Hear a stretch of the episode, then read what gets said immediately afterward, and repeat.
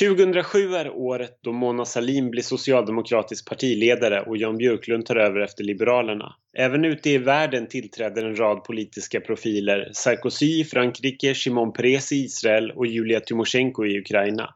Den udda trion Anna Nicole Smith, Povel Ramel och Pavarotti knackar på hos Sankte Per och i Sverige vinner Marie Picasso Idol. Under sommaren konstaterar Markoolio att det inte är någon sommar utan reggae och detta är året då Britney rakar av sig håret. Vilket det också refereras till under deltävling 4 av Melodifestivalen 2007 som äger rum i Läkerol Arena i Gävle den 24 februari.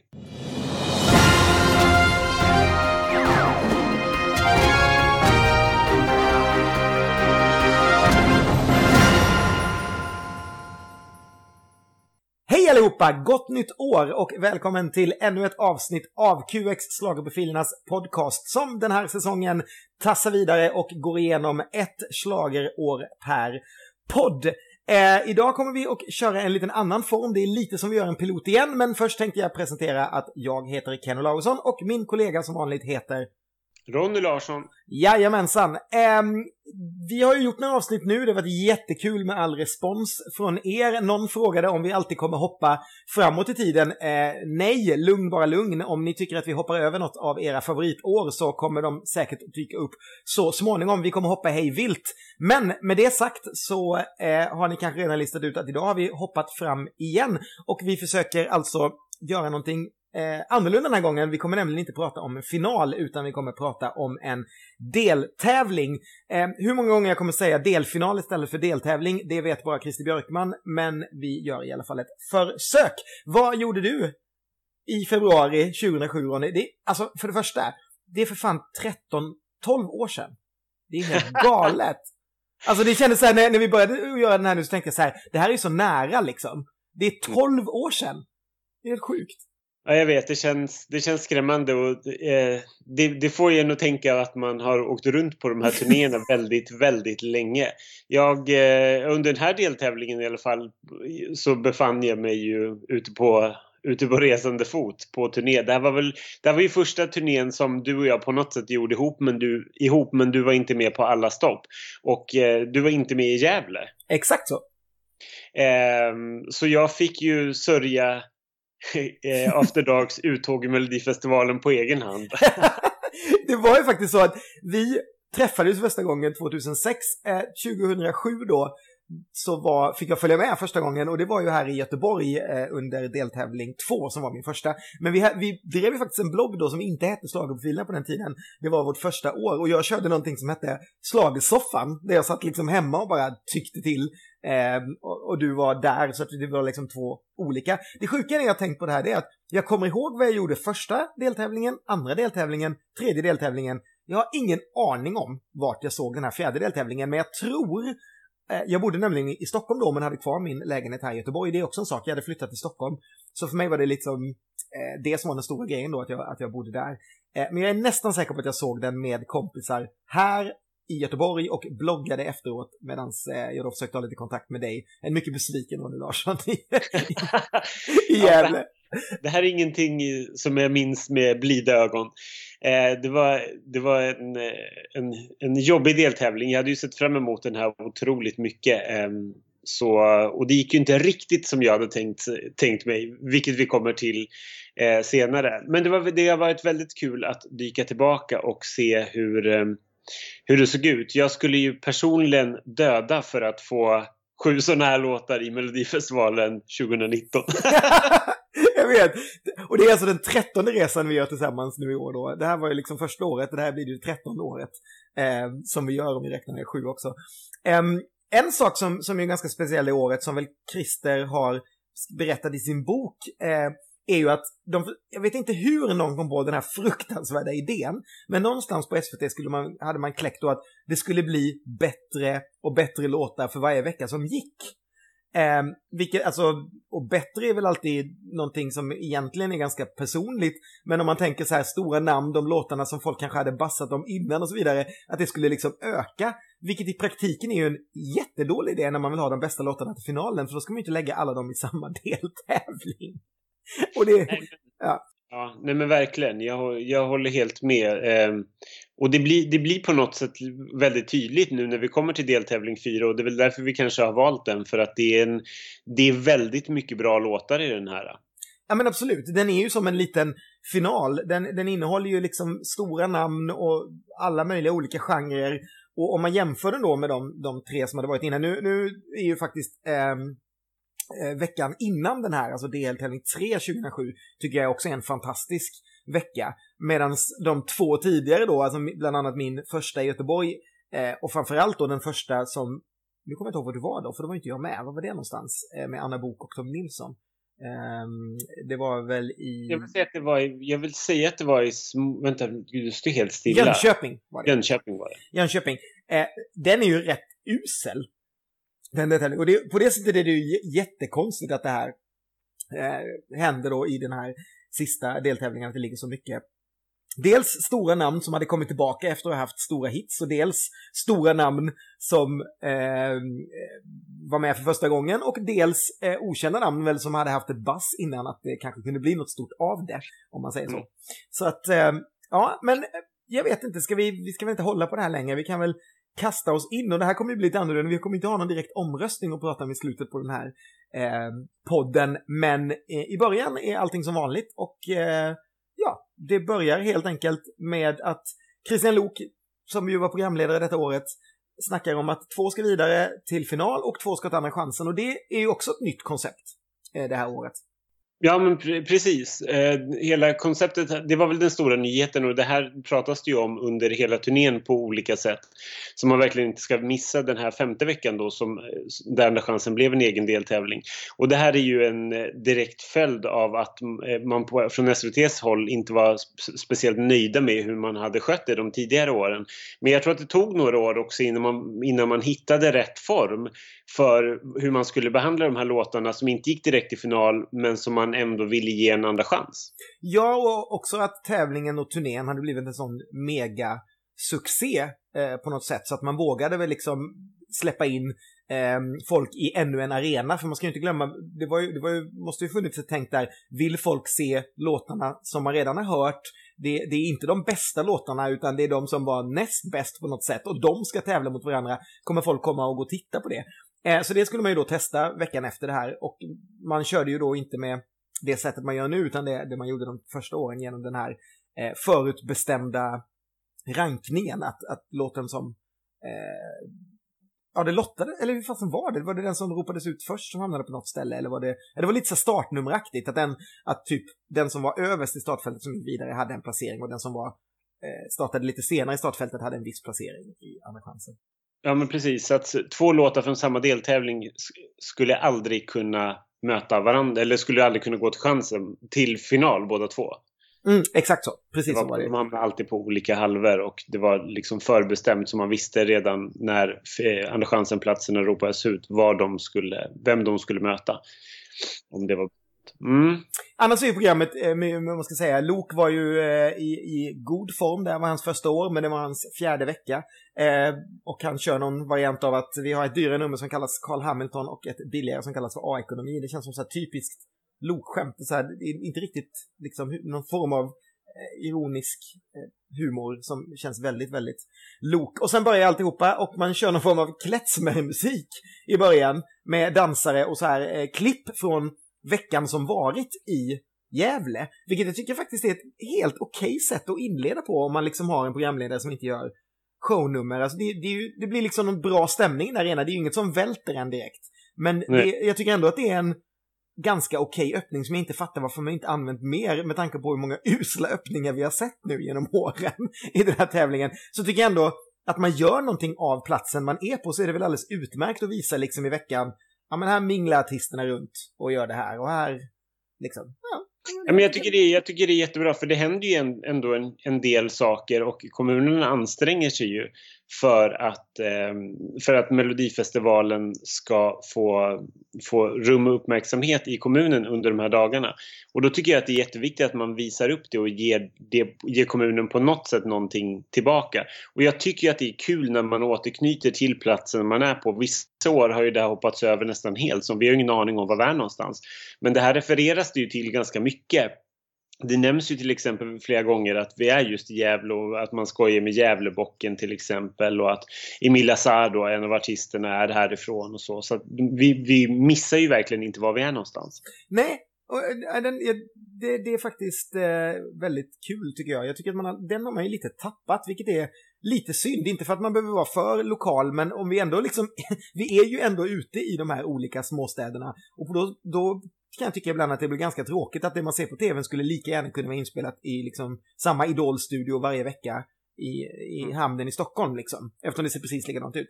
Hur många gånger säger jag liksom? Ja, det kan ni räkna och så kan ni skicka in det till mig så kan ni vinna något fint. Um, men i alla fall. helst ett vykort. helst, helst ett vykort. Eh, och inledningspratan då så kommer faktiskt det du nämnde i din inledningsprata, nämligen en, en tidsanknytning, ett, ett Britney-skämt.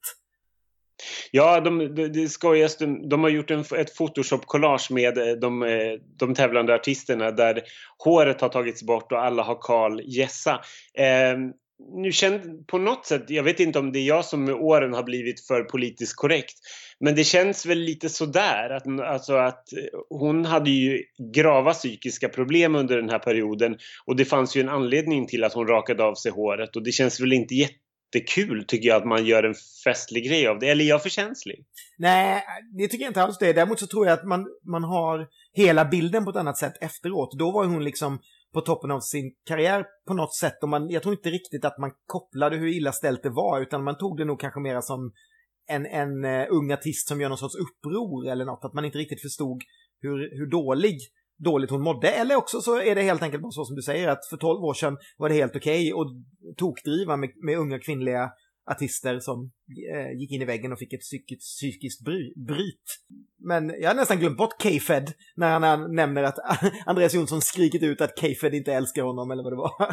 Så det var lite roligt att komma ihåg den i, igen. Eh, fågelinfluensan dyker ju också upp, vilket också känns som någonting man inte har pratat med på, på jättelänge. Och en annan sak som man också snackar med, det är att kräksjukan har slagit till och att den beror på kameraåkningarna. Och den är ju ganska intressant för jag kommer ihåg det, för då hade man fått den här kameran som kunde typ starta längst bak i, eh, i, i hallen där man var och så flyga framåt och man använde det hur mycket som helst, vilket vi ska komma till sen i, i en låt som plötsligt inte använde det och vilket genomslag det fick ett år när den här jävla kameran hade åkt och åkt och åkt och åkt. Kan man säga. Mm. Men annars så tycker jag att, annars så tycker jag att Christian Lok håller precis den... Jag blir så här varm i hjärtat när jag såg det här för att jag, jag tycker att han är så bra och härlig och varm och han styr det här med så säker hand. Det känns så skönt att se någonting där det liksom... Där han, han är så mycket i fokus utan att det är så show och glam och ballongviftande och publikbilder utan han håller låda och jag tycker bara att det är härligt med sina små lite torra skämt. Ja, nej, men jag, jag håller med. Det, det, blir väldigt tydligt att det eh, på något sätt etableras här, att det funkar kanske med en programledare och mm. att det blir, det, det, blir liksom hans program. Det, det, är väldigt lätt att se varför han fick komma tillbaka ett år senare. För att, eh, och det, det är nästan lite synd att han inte har velat komma tillbaka och göra det någon gång eh, ännu senare. För det hade varit rätt kul att se vad han kunde gjort då när de har haft kanske flera programledare som har kommit tillbaka så har ju aldrig Christian Lok varit en av dem. Men det är lite, lite trist för jag tycker verkligen att han är en av de absolut bästa eh, de har haft. Mm. Innan vi ger oss i kast med, eh, med bidragen, mm. för det tänkte vi väl göra härnäst, yep. så kan vi prata lite grann om jag kollar ju vad, vad, vad kvällstidningarna tycker om, eller har skrivit om inför, liksom vad de skrev under veckan. Mm. I princip så handlade ju eh, bara eh, artiklarna om Magnus Uggla, Andreas Jonsson och After Dark. Det var tre artister, vem ska, vem ska gå till final? Det var rätt givet att Uggla skulle gå. Andreas Jonsson var storfavorit också och After Dark utmanade där bakom.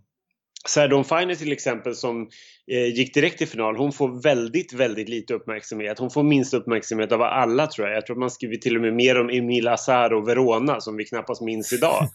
Eh, vilket är, är, ganska intressant och det kommer vi komma till eh, lite längre fram i det här programmet. Eh, sen rasade ju eh, Polen mot Magnus Uggla för han hade ju en textrad där i låten. Eh, har vi lite tråkigt min fru och jag ringer vi in en skum polack och det här fick ju det polska generalkonsulatet att reagera mycket starkt. Eh, Expressen hade jagat fatt i vice konsuln där som konstaterade att det här var klart diskriminering, det var fördomsfullt och inte alls rättvist. Um, och hon utesluter inte att ambassaden kommer att agera på ett eller annat sätt mot detta. Väldigt dramatiskt. Eh, Verona har förstorat brösten, det står i båda kvällstidningarna och Thomas Ledin som har skrivit Snabbköpskassörskan tycker att Samba Sambero som redan har gått vidare det här året låter väldigt mycket som den låten. Eh, annars skrivs det väldigt mycket om att eh, det, det är väldigt intressant att läsa hur journalistiken funkar i Expressen och Aftonbladet på den här tiden. Speciellt Expressen kör väldigt, väldigt mycket på liksom artisterna rasar och det är skandaler och det är Andreas Jonsson är chocksjuk och det är liksom väldigt, väldigt dramatiskt allting. Eh, det, det tonläget tycker jag har dämpat sig lite grann de senaste åren. Det är inte lika liksom hysteriskt på den punkten. Nej, jag håller med. Och det, det, det kommer jag ihåg när jag kastades in i det här. Eh, och det, det, var väl främst då året efter sen, som när jag, när jag var med på alla ställen utom Andra chansen, som jag insåg vilken, alltså vilken sjuk värld det var. Eh, mm. Jag lärde mig väl redan liksom det här året, möjligen, jag, jag kommer ihåg att, att allting man liksom sa kunde snokas upp och hamna någonstans och bli jättestort och liksom stod man med, alltså hela den här, det var, det var helt konstigt och den, den känslan är ju faktiskt inte längre, nu, nu är det ju faktiskt så att det är väl nästan bara Aftonbladet kvar som, som täcker Melodifestivalen. Det är ju inte så mycket eh, alls längre, så jag antar att det inte säljer på samma sätt som det gjorde då, men då var det verkligen big business. Så jag antar att det var ganska stor skillnad att bara titta på en deltävling eh, 2007 mot vad det varit när du har grävt i arkiven om de, de åren vi har pratat om tidigare på 80 och 90-talet. Ja men verkligen, journalistiken är verkligen helt annorlunda och inte, jag ska absolut inte så lägga någon, någon, större värdering i det för att jag fattar ju liksom och jag tycker att det är kul att det skrivs om Melodifestivalen men det blev så, det blev så tydligt när man går tillbaka jämfört med hur jag upplever att det är nu liksom. Det är liksom, här flyr Uggla i raseri och Åna nej i en annan rubrik. liksom, eller plågad av tankar på självmord hade Carolina Vugglas liksom fått som rubrik. Här, här hyllar han onani. Och Polen rasar och artisterna rasar mot videokuppen som då After Dark hade när de hade videoskärmar på scenen. Det var bara så här, här plågas Andreas Jonsson av sjukdom och så har han typ influensa.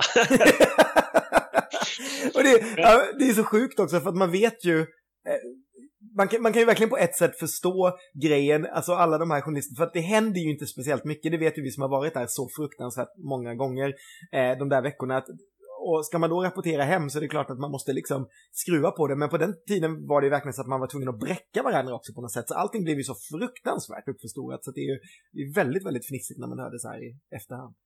Ja, och det skrevs verkligen om minsta lilla grej. Liksom. Sånt som eh, Tobbe Ek bloggar om idag, de, sånt fick notiser då.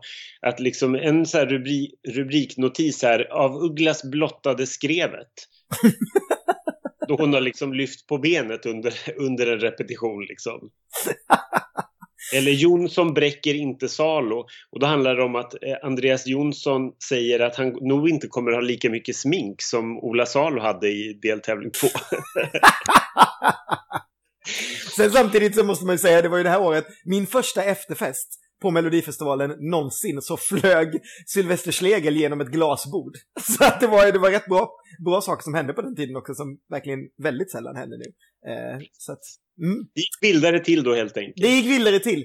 Men ska vi kasta oss in eh, i den här tävlingen? Eh, första bidraget, det heter För kung och fosterland. Det framförs av Magnus Uggla och skrivet av Magnus Uggla och Anders Henriksson. En dag kan hela världen stå i brand Så kör för kung och fosterland Köp mera, spendera så mycket som ni kan För kung och fosterland oh! Oh! Något snabbt om vykorten då eftersom det här är det första. Jag, där kan jag säga att jag inte riktigt är med på vad det är de gör. Det är typ artisterna och Christian Lok som gör någonting ganska poänglöst. Eh, och det är väl poängen, kanske? Eller? Ja, ja men precis. Det är väldigt, det är väldigt, lite småfjantigt och lite eh, hittepå. Men jag tycker att de är ganska charmiga. Jag gillar de här små vykorten där den, den, jag tycker om när man knyter ihop programledaren med liksom programmet på det här sättet. Att Luke är väldigt, väldigt synlig. Och han får göra lite småkul grejer med artisterna. Och jag tror att artisterna också slappnar av för att han är väldigt rolig i sättet utan att vara liksom för på eller vara för fjantig utan det är hans humor. Mm, ja men så är det kanske. Det är bara det, är bara det där liksom, vad är det, i Ugglas klipp här då så har han har typ en affär och säljer lite saker till Christian Lok. Man bara, okej, okay, det har liksom inte med låten att göra, det har inte med Uggla att göra, det har egentligen med någonting att göra, men det, det är väl ganska kul. Um, du vill ha tillbaka de här vykorten där Lasse Holm och Ingela Pling Forsman sitter och gäspar i lustiga mössor. Eller när låtskrivarna filmar varandra med videokamera. eh, nej, nej, men det är väl, det är väl helt rätt. Det här är, det här, men det, det är faktiskt ganska kul. Du har en väldig poäng där som jag inte har tänkt på. Det är just att det är väldigt kul när programledarna är, eh, är med där. Um, i. Men, men låten då. Uh, för kung och fosterland. Om jag börjar. Jag tycker väl liksom. Alltså den här låten är, den är väl inte helt kass. Varken med mellomått eller uggla-mått. Men däremot så tycker jag att när man tittar på den nu att den känns ju väldigt så här förväntad. Att det är så här. Ja det är väl klart att Uggla ska låta så när han är med. Och jag kan tänka mig att folk liksom avsky det här med att bli skrivna på näsan, att det var så självklart att Uggla skulle gå vidare. Det stod i alla tidningar, det är klart att det händer, typ till och med SVT var ju, Christer har ju berättat att han var ju liksom sagt till Uggla att det var så himla självklart. Um, så jag antar att det var någonting där som föll. Sen tycker jag uniformen är ganska kul, han ser ut som en liten kung på något sätt med de där solglasögonen och uniformen. Ja, men, jo, men lite så. Jag är mer skeptisk till uniformerna för jag tycker inte att de riktigt... Att det, det, det gör att hela numret blir lite tungt. Det ja. uniformerna tynger ner dem liksom. Det är inte liksom några välskräddade snygga uniformer utan det är de här liksom vinterrockarna från Karelen som de går och bär på, på scen i liksom två minuter. Det känns, det känns tungt bara hela numret tycker jag. Sen tror jag att folk har svårt också när han kommer ut och liksom börjar med att göra en segergest. Ja. Nej men det är klart det blir väldigt liksom så här, aha, här är jag för att visa vad skåpet ska stå. Då känner Svenne Banan i soffan att nej men det tycker vi inte alls, det är vi som bestämmer det här. Och sen så måste jag ändå uppmärksamma den här en gång för alla snurren när man fattar varandra runt midjan och går på rad i runt. Mm. Som man gör med dansarna. Det funkar inte en gång för alla och det funkar inte här. Så den, det dansmovet vill vi inte se någon gång på en schlagerscen igen. Det har väl aldrig hänt sedan 2007 heller, eller? det dog där och då, det året. Det var så att det inte gick överhuvudtaget. Um... Um... Lyssna på detta Malou Prytt som du har tänkt att köra det här.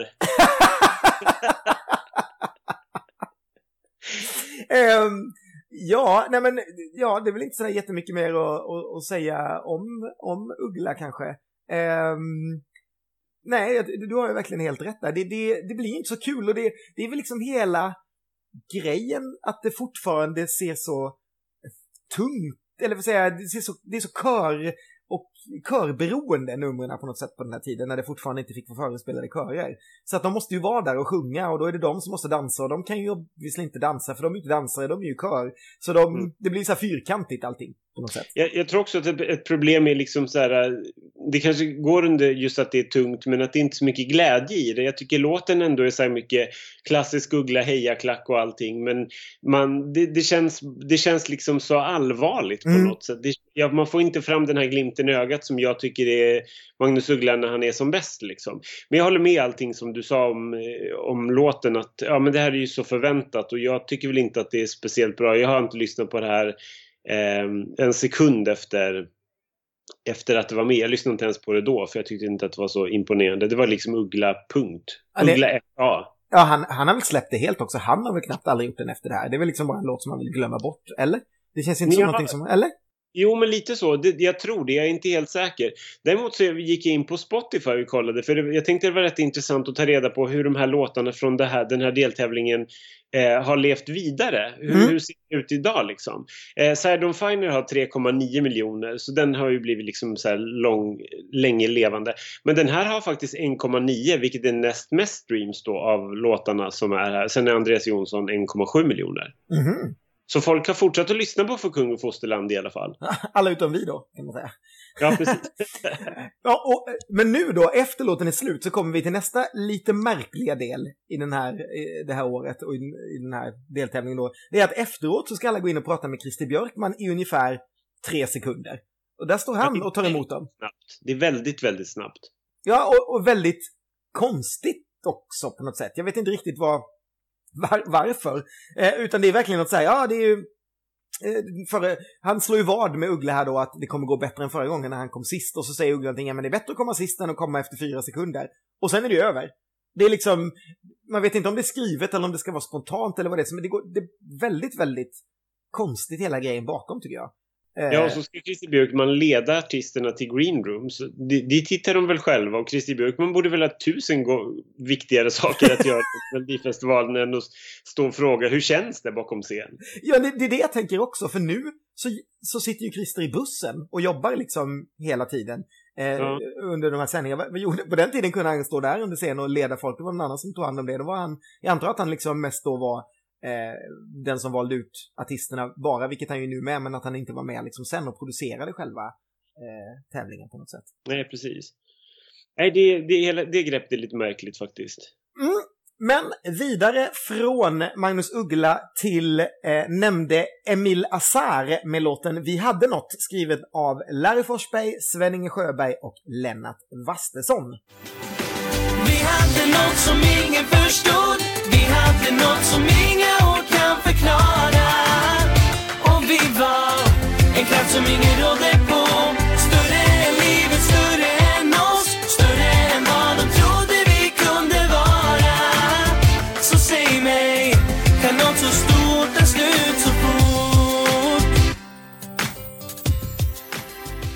jag tycker faktiskt att det här är en väldigt bra låt. Jag gillar den här jättemycket. Jag gillar den inte så mycket då. Jag hade ingenting emot den. Den var bara oförarglig.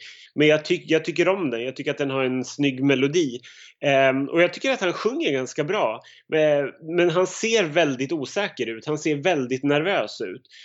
Um, och Emil Azar är då en 21-årig snubbe som är född i Beirut men eh, kommer från Sandviken. Mm, ja, det, det, märker man ju. Det är ett jäkla jubel när han kommer in. Det är väldigt den här lokalpatriotismen som sprutar ut i... Det, det, man känner liksom stämningen när han kommer in.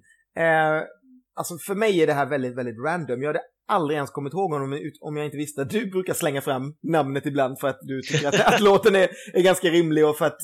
Och så här, det här är också väldigt tydligt på något sätt de här åren när du var där men inte jag. Du har ju en helt annan relation. Man får en annan relation när man sitter på repen. Man glömmer mm. ju faktiskt aldrig bort en låt på samma sätt om man har suttit på ett rep än om man har sett den en gång. Så för mig är det här helt... Jag tycker däremot han sjunger astaskigt, men jag är ju halvt tondöv så jag vet inte. Jag tycker att det är... Men framförallt är han ju så stjärnlös killen liksom. Han, han är ju verkligen en, en vanlig människa som står på scenen och sjunger en låt.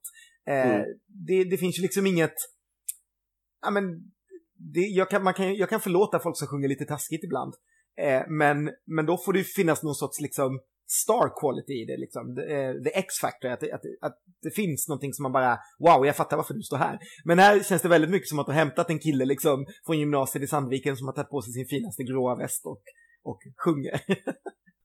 Precis. Han har ju tagit på sig sin finaste gråa väst för att han eh, då har gått ner 20 kilo under eh, väldigt, ganska kort tid.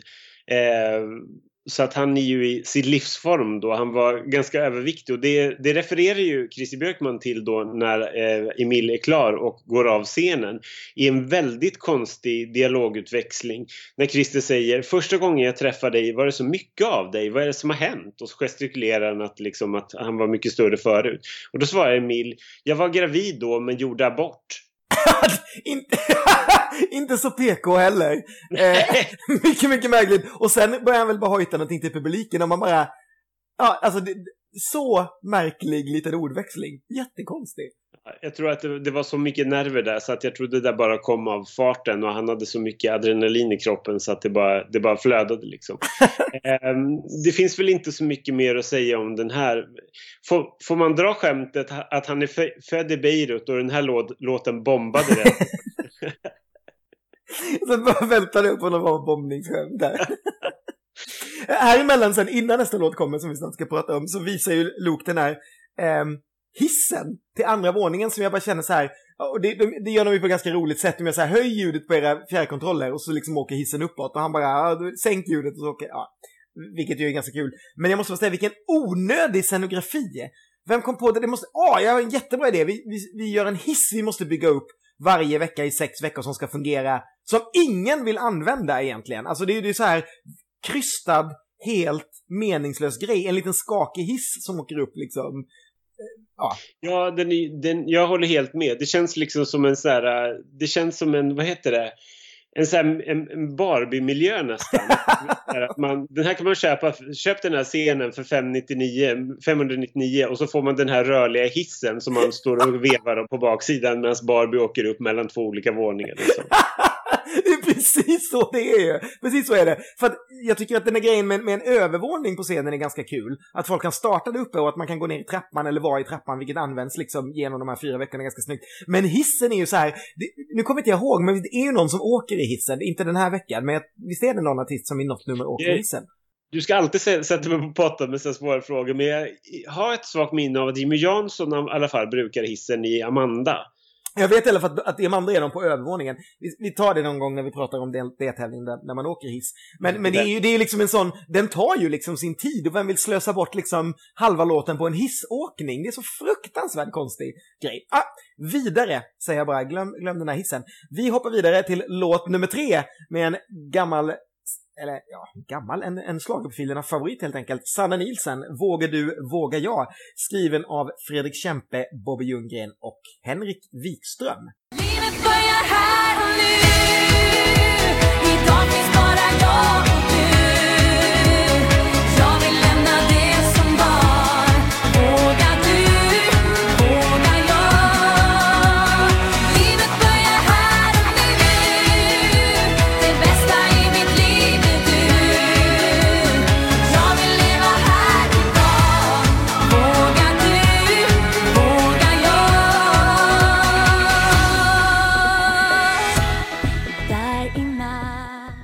Ja, på pappret så, får ju, så, så går det lite grann i byxan när jag hör de här låtskrivar, den här låtskrivarkombinationen.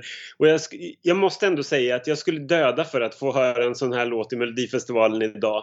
Men där och då och efter detta så tyck, har jag nog alltid tyckt att detta var ett stort nja. Jag tycker inte att, eh, jag tycker inte om att den går ner liksom i refrängen. Eh, och jag har aldrig tyckt att det här har varit någonting eh, märkvärdigt faktiskt. Eh, Eh, det är en axelryckning. Ja, nej, men jag håller med. Det här är ju verkligen inte Sannas största stund i Mello. Frågan är om det är hennes kanske svagaste stund skulle jag säga. För att jag kan nog hitta eh, små kul saker till och med i 2001 eh, mm. och i hennes kämpeduett som väl kanske är, i övrigt så älskar jag ju Sannas bidrag förutom det här jag nämnt då, men i de två så hittar jag också saker som jag kan tycka är bra. Det här är ju väldigt, väldigt generiskt. Alltså det är ju som att någon tittade på evighet året innan, nu ska vi ta Sanna, det kanske är hennes dags att vinna nu med en sån här slager eh, och så gör man det så Alltså det är ju verkligen så mycket talang, låtskrivartalang inblandat här. Och så blir det så det är så här slager 1A. Och det är verkligen så här grundkursen också i slagermarschering på scenen. Alltså det är 1, 2, 3 höger och sen går alla till vänster och sen går alla till höger och sen så gör vi någonting med armen och sen går vi framåt. Det är liksom, om man skulle skicka en så här ut i rymden, en parodi, eller så här, vad var Mello på 00-talet så ska ju den iväg ut. Inte låtmässigt, men allting annat är ju så slager 1A som det går att göra. Det, det finns ju liksom, ja, det, det måste ju vara piken på slagermarscherandet på något sätt. Jag vill, jag vill också ändå göra hatten av för, Hanna, eh, för Sanna som har bytt, eh, som byter frisyr väldigt friskt mellan alla sina deltaganden.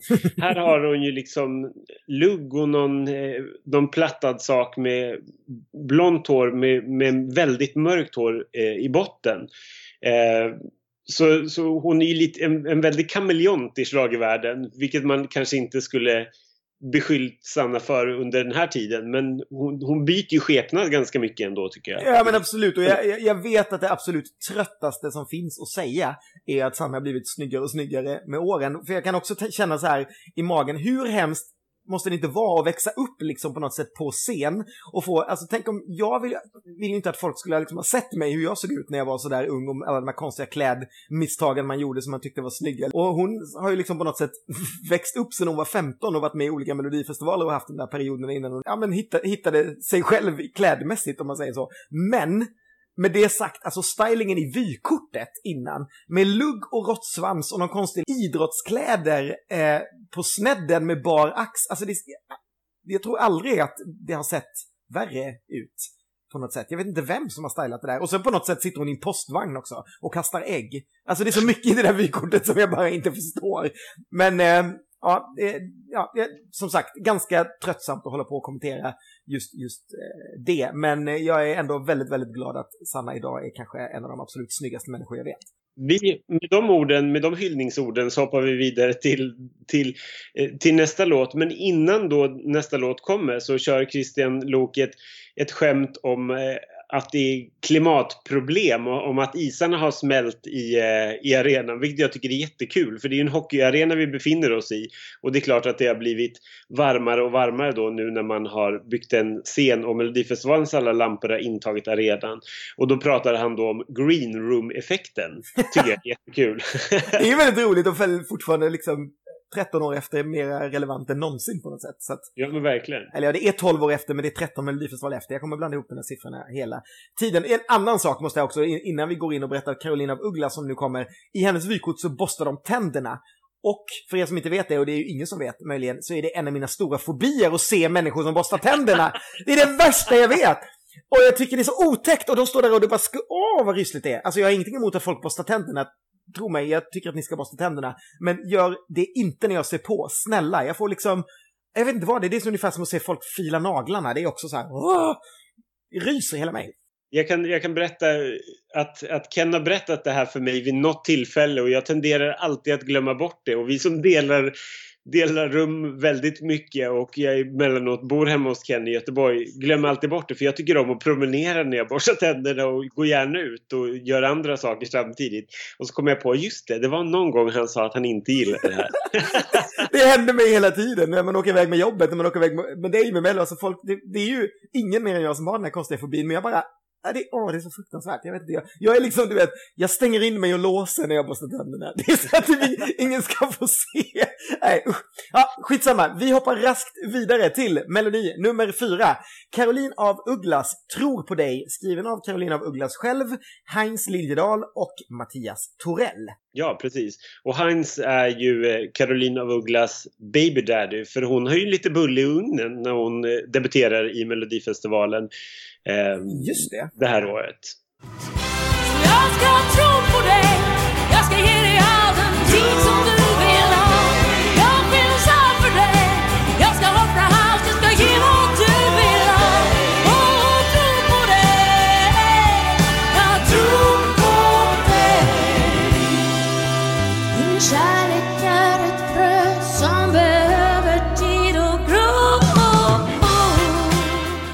Det här är ju för min del den eh, av Ugglas låt som jag alltid glömmer bort. Den är, för mig är den väldigt, väldigt blek eh, och jag kan förstå att folk kanske glömmer bort den sista låten hon var med men den var jag med i juryn och valde så den sitter liksom i huvudet på mig och sen då självklart eh, den stora hitten. Men eh, det här, jag fattar ju varför den är där. Och när man tittar på hela startfältet så tycker jag att det, den, den ska absolut vara där. Men mm, jag, jag, nah, jag, jag, jag, fattar varför den är där, jag fattar inte riktigt varför huskören är där och har klätt ut sig till ett band. Det är ju typ bland det värsta jag vet, när huskören klär ut sig till band. Ja, det, känns, det, det greppet känns, känns väldigt, eh, väldigt mossigt och det blir, det blir så fånigt på något sätt i efterhand när Melodifestivalen nu är så proffsig om man tänker på det men ett, under några år där så var det nästan liksom som det blev lite lekstuga över det hela på något sätt. Man kunde inte ta det på allvar när liksom samma personer dök upp och spelade gitarr och sjöng och dansade och gjorde exakt samma saker i liksom 20 nummer. Nej, det, är jätte, jätte, jättekonstigt. Eh, alltså just den här bandgrejen, men jag antar att det är liksom för att eftersom kören skulle vara på scen och kören skulle sjunga så var man ju tvungen att hitta på lite olika saker med dem som de bara inte skulle stå. Då kom väl någon på att men här kan det vara ett band. Men, mm, nja, men, men då, kanske, då tycker jag att man, då kanske man ska undvika att zooma in de personerna. Att de, då ska ju de bara vara statister på något sätt och då tänker man inte på det. Men eh, här zoomar man ju till exempel in vissa av körmedlemmarna som man då har sett tidigare, liksom dansa med, med Magnus Uggla. Men jag vet inte, det kanske var en grej att man ville visa hur mångsidig kören är och det är de ju verkligen. Det är ju verkligen fem tokbegåvade Eh, personer som, som dyker upp och gör allt det här. För det krävs ju sin man eller kvinna att både dansa och sjunga och göra det bra liksom. Ja, nej, men jag håller med. Det, men jag tror att det är med de ögonen vi har nu när, man, mm. när det är så många som plockar in egna dansare eller det, det är mycket, mycket mer vanligt eh, nu. Och då, då, blir det ju liksom tråkigt när man ser samma människor i stort sett i sju precis. nummer. Eh, åtta till och med. Ja, precis. På den tiden. Eh, jag är, jag är inte heller så imponerad av, av den här låten. Jag förstår också att den absolut ska vara där. Det, det har jag ingenting emot. Och jag tycker inte att den är verkligen inte dålig. Liksom. Den är bara eh, inte lika bra som, som de andra. Nej, precis så är det. Eh, nej, det roligaste med det är väl att Christian Lok säger att Jimmy Jansson inte är pappan. Vilket är helt random. Jag vet inte varför Jimmy Jansson var någon så tuckat, men han återkommer till honom då och då. Eh, och... Ja, men jag, tror, jag tror att det var i samband med att eh, Sandra Dahlberg var gravid, tror jag, jag är inte helt säker. Men ah. att det var under, Ah. under den här turnén och Sandra Dahlberg var ett schlagerbekant namn och eh, det var ju Jimmy Jansson också då som artist. Och idag är han ju en framgångsrik låtskrivare istället. Ja, just det. Alltså självklart. Han var ju, hade ju varit med och tävlat, så förmodligen var ju hon med då där i, i den deltävlingen och så va. Mm. Um, ja, sen däremellan kommer det något lite, då, då tar man upp Eurovision, vilket jag också kan sakna att man gör alldeles för sällan i Melodifestivalen. Det brukar man ju spara till finalen i bästa fall, att det finns någonting som heter Eurovision ens. Uh, här gör man en grej av att, att uh, Luke berättar att han och eh, Christer nu har fått höra många av låtarna och så filmar man dem när de sitter uttråkade i en soffa. Och så får man skratt på det liksom. Och jag vet inte riktigt om det är bra eller dåligt, för det känns lite som att man så här lite självgott på något sätt. Vi, vi är så himla bra och här är all den här andra skiten de skickar, vilket ju kanske inte eh, skulle visa sig vara fallet när vi sen kom till Helsingfors. eh, men sen ser vi Christian i drag i klippet med nästa låt som är After Dark med Åh, när ni tar saken i egna händer skriven av Henrik Wikström och Kent Olsson. Och när ni tar saken i egna händer Och när ni gör som de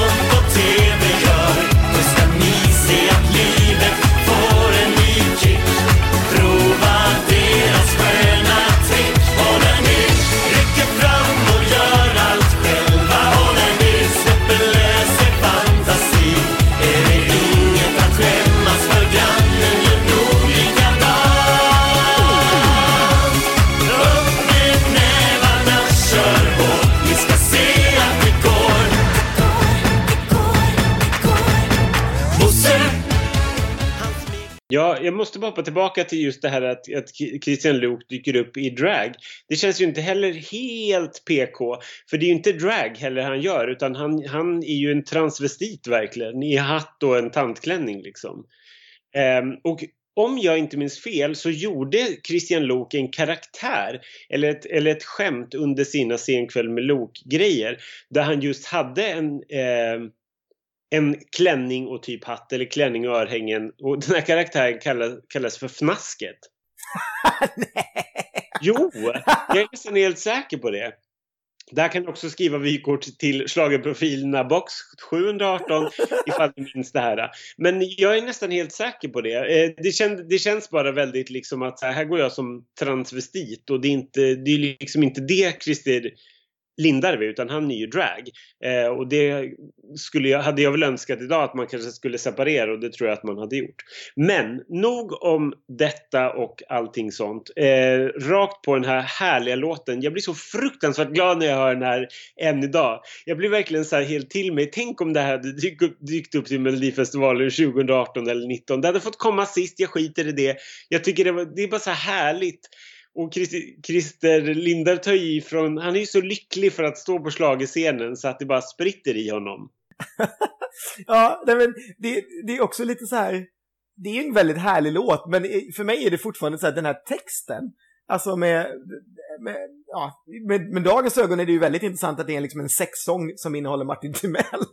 Bara det är ju inte sådär det, jättekorrekt. det har ju inte funkat idag. Ja, det inte funkat idag överhuvudtaget. Däremot så älskar jag just det där, ja men, eh, handtralla på torpet är ju fortfarande kanske en av de mest geniala, liksom, eh, någonsin måste jag säga. Och själva den här Åh när ni är också väldigt rolig tycker jag. Det, det är ju liksom precis min humor. Alltså överhuvudtaget är det en väldigt liksom fyndig text. Men om den passar i som, som ett mellobidrag, alltså vet jag inte. Jag tror på något sätt att det sänkte den lite. Hade det bara varit en glad, alltså samma låt men en glad text och någonting annat så tror jag kanske det hade funkat bättre. Jag tror att folk tyckte att det var lite larvigt eh, med alla de där sex grejerna. Men jag, jag kan ju också tycka att det är, är skitkul när jag lyssnar på det nu liksom. Så att, eh, Jag tycker det, det, är, det, är, det är snyggt gjort och jag tycker det är kul att de fick med de här eh, eh, tv-kändisarna allihopa då liksom, för de var ju väldigt stora under den här tiden. Liksom Tina, Ernst och Bosse Bildoktorn och, och även nämnda Timell då. då. Eh, jag, tycker det, jag tycker det är härligt och jag uppskattar ju alltid ett klädbyte på scenen. en reveal. Ja, reveal. Eller rättare sagt, inte bara en, ett klädbyte utan, utan två klädbyten är det ju faktiskt i den här låten. Eh, Jag tyckte, tycker att det här är, är så härligt och det jag bara älskar Lindarw att han, man verkligen ser att han njuter på scenen när han gör det här liksom. Ja, det, det är väldigt taggat från Lindabs sida, skulle man säga. Han bara ja! Och yes! Och bara liksom klämmer Ja. i lite. Men sen, eh, sen observerade jag en ny, en ny grej när jag såg det här klippet. Det är att när han, precis i början, när den här eh, Martin, då innan han börjar sjunga så kommer det liksom en så här, en, en, vad heter det, ett snor. Du vet att, så här, att man drar in näsan. Och jag har tittat på det flera gånger och försökt komma fram till om det är Lindarw eller om det är någon av körsångarna som inte kan hålla, hålla snoken i styr. Men jag, jag, det kan vara Lindarw. Liksom, Ja, och det, efteråt kommer faktiskt ett jätteroligt skämt också när, när Ja. eh, Luke säger att, det här, att den finns på engelska och handlar om Siewert Öholm och heter den And when you must debate. Vilket jag tycker är jätteroligt.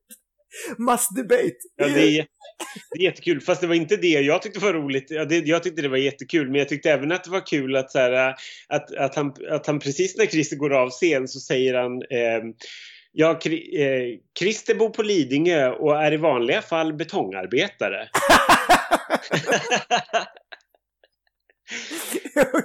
det, det där är ju väldigt Christian Lok. Den, den typen av humor är ju så Ja, kul. Liksom. Skitroligt. Ja, eh, men vi går vidare raskt till låt nummer 6. Sarah Dawn Finer, I Remember Love, eh, skriven av Sarah Dawn Finer och Peter Hallström. Yes,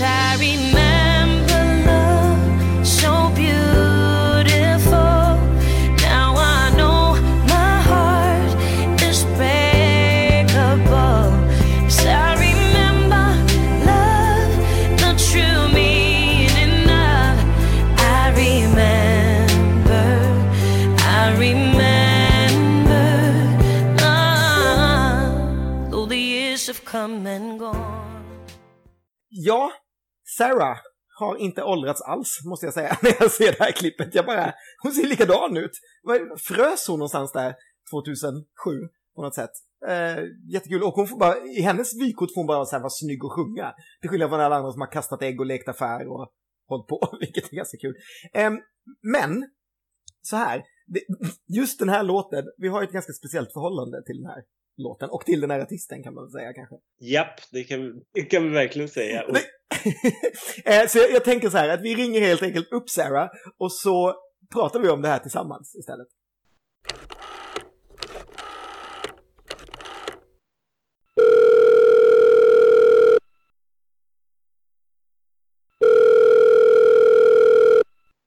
Hallå? Hallå? Hallå? har vi kommit till Sarah Finer? Oh my god, det har ni. Hej! Hej! Vad härligt att höra din röst. Ja, Du- detsamma. Det här är någon slags trepartssamtal. Det känns som att man inte har gjort det sedan man var med Heta linjen eller något. Det är jag, jag är den som flåsar lite här bara. Ja, exakt. exakt. Och pratar lite och säger lite, vad har du på dig? Och jag är den som försöker komma till skott. Det är inte heller en dålig sak. Nej, det är det verkligen inte. Du, vi har ju grottat ner oss här i, i Melodifestivalen 2007 och eh, då deltävling nummer fyra som utspelade sig i Gävle. Ja. Vad, eh, om jag säger Gävle 2007 februari, eh, vad, vad tänker du då? Vad, vad känner du då? Vad är det första du tänker på? Det första jag tänker på är faktiskt deltävling fyra, för jag har en oerhörd förkärlek för fyra. Jag var både med i fjärde deltävlingen både 2007 och 2009 och jag programledde fjärde deltävlingen 2016. Eh, för att jag tycker att det är någonting speciellt med den fjärde just för att det är någon så här, det, då, då får man höra alla låtarna och det på den tiden när jag var med var det ibland lite svårare då. Ehm, jag kan inte påstå att jag tycker det är likadant nu, men deltävling fyra brukar vara ganska svår. förr i tiden. Eh, jag mindes, jag tänker på, på alla konstiga saker vi gjorde i Gävle. Vi fick liksom någon så här olika kommunintervjuer tror jag som vi gjorde på Gevalia om jag inte minns fel och lite andra sådana här saker. Och att det är en väldigt mysig stad. Men att också att jag minns så mycket. Alltså om vi tar de sex veckorna jag programledde 2012 så Mm. minns jag inte mycket alls jämfört med hur mycket jag minns från Gävle. Och det beror ju både på att jag var ung och oförstörd och mindre liksom, eh, liksom knarkad helt enkelt än vad man är när man är äldre. Men, men ehm, det var också ett skämt. men men också att jag, att jag um, det var så stort ju. Det var ju liksom, det var så mycket som hände på den veckan. Um, så att det är svårt att glömma bort den. Mm. Kände, du, kände du att du fick uppmärksamhet innan? För att det känns konstigt att gå tillbaka om man tittar i tidningen och allting som skrevs innan. Det var verkligen tveklöst dig som det skrevs minst om innan. Du fick två notiser och det skrevs inte om dig i liksom spalterna alls. Och sen efter det så vände allting efter den där lördagskvällen. Kände du att du fick uppmärksamhet liksom? Ehm, ja, alltså så här. å- eh, eh, Året innan så hade jag varit med och röstcoachat Björn Kjellman. Min brorsa koreograferade det numret och jag röstcoachade Björn Kjellman och han tävlade ju i samma vecka som Carola. Mm. Som kom tillbaka liksom och gjorde evighet. Och jag menar det finns ju ingen människa i världen som har fått mer uppmärksamhet än Carola den veckan. Så att eh, jag hade ju liksom, det var min referens av hur det var att vara med i Melodifestivalen var ju att jobba eh, bakom liksom. Eh, jag, jag tror, även om man kanske inte hittar det nu, så jag tror att vi gjorde ganska mycket media. Men nej absolut, det finns ju, det var ju mycket mera 2009, så var det ju absolut. Mm. Men jag tyckte nog det var ganska skönt, jag var ju oerhört nervös. Ehm, och kunde fokusera på det jag skulle göra där. Så det var nog nog. Jag har aldrig varit särskilt pepp på att göra media så jag var säkert nöjd att jag, att jag bara gjorde lite. Men du, skrevs eh, I remember love för Melodifestivalen? Ja, det gjorde den. Ehm, den skrevs ganska specifikt för Melodifestivalen för att det blev liksom...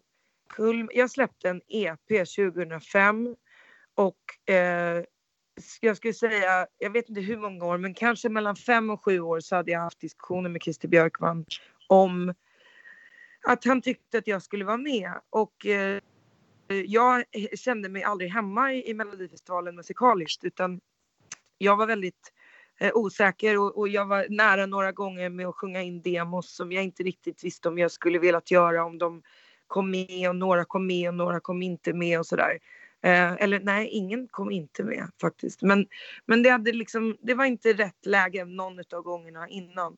Och så kom han upp till mig, tror jag, i, i, i samband med den här EP-releasen och sa kan vi inte snälla göra någonting med Lysdalen? Och jag sa väldigt tydligt, du har väl hört min EP? Så sa han ja. Så sa jag, du förstår vad jag menar, den har ingenting med Lysdalen att göra. Så sa han, nej inte alls, men du kan väl, kan fundera på om du skulle vilja skriva någonting som, som har det, liksom. Som har kombinationen av det och Melodifestivalen. Mm. Och ehm, så gick det typ ett halvår eller ett år eller något. Och sen var jag ombedd att sjunga på en jättetung begravning. Och eh, ombedd att sjunga Håll mitt hjärta. Och Håll mitt hjärta, som jag många år senare då har spelat in och sådär, den skrevs i, ursprungligen av Peter Hallström som skrev den på engelska som heter Same Old Story till André Delang. Det här är en väldigt lång historia men jag, men jag tar den ändå. Mm. Så jag ringde Peter Hallström och sa du jag ska sjunga din låt på en begravning och jag gör det mycket hellre med dig än med någon annan pianist. Och till historien hör Peter Hallström för alla mellofans var ju dessutom huskör några år i Melodifestivalen så att ehm, han är, har även erfarenhet från Melodifestivalen. Men han var en grym sångare och en grym pianist och låtskrivare. Så vi gjorde den här eh, begravningen och jag sjöng Håll mitt hjärta och jag kände shit jag vill skriva någonting med Peter. Och eh, ursprungsidén som inte alls hörs, men som finns, det är att min musikaliska referens till I remember love är egentligen Nothing compares to you och Håll mitt hjärta. Mm. Eh, Nothing compares to you är kvar i referens baserat på att jag börjar helt a cappella, vilket hon också gör, Sinead O'Connor. Mm. Ehm, så jag ringde helt enkelt Peter Hallström och sa eh, de vill att jag ska göra Melodifestivalen, både mitt dåvarande management och Christer. Vad ska vi göra? Eh, liksom, får jag sätta mig ner med dig? Jag har mina idéer här. Liksom. Och så sa jag väldigt tydligt att jag ville att det skulle vara någon slags soul eh. Gospeln kom in sen när vi gjorde höjningen och och vi satt hemma hos Peter en dag. Jag önskar att jag hade kvar de röstmemorna från den sessionen. Men den där låten kom till ganska så snabbt ska jag ärligt säga. Mm. Ehm, och, och sen byggdes den produktionsmässigt då. eh, först som demo, sen kom den med och sen så gjorde vi en, en, en full produktion med, med, med liksom riktigt stråk och sånt där när den väl hade kommit med. Eh, men jag hade inget, inget skivkontrakt eller så utan jag hade fick, jag blev signerad eh, med en singeldeal. Eh, så det var ingen som direkt trodde på att det skulle gå skitbra utan jag var en ganska typisk så här, branschsångerska som hade släppt eget på eget bolag som alla alltid anlitade och pratade väldigt, väldigt, väldigt gott om och alla sa när ska du breaka? Eh, och tyckte att jag gjorde skitbra musik men inte radiovänlig liksom. Mm. Ehm, så, så jag kom till Gävle med en, med en väldigt liten budget precis som jag gjorde alla andra gånger. Det vill säga jag la väldigt mycket egna pengar på numret, egna pengar på egen kör. Britta Bergström som var med och körade redan då. Och det, vilka var det som var med då? Jag tror att det var Britta och Micke Blomqvist. Ja, det var några i huskören och så hade jag några som jag la till. Mm. Eh, och liksom du vet, eh, ingen stylist eller något. Jag gick till någon sömmerska och eh, hittade några tyger på så här Olssons tyger och, och var så här, här kan vi sy något som ser ut så här. Det blev inte alls som vi hade tänkt mig. Köpte några stövlar i New York och så jag kom dit liksom, ja men du vet, väldigt eh, pank eller man får säga och med inte så mycket människor som trodde på mig. Eh, men det ändrades ju över natt den lördagen. Mm. Jag måste bara backa tillbaka till det jag nämnde där tidigare. Var det någon låt som du hade blivit erbjuden eller sjungit på demo som du kan berätta om? Liksom, att den... Alltså den kändaste demon jag har sjungit på som, som har kommit ut, som någon har läckt, någon jävel, det är ju Not a Sinner nor a Saint demon såklart. mm. Den har ju folk hört.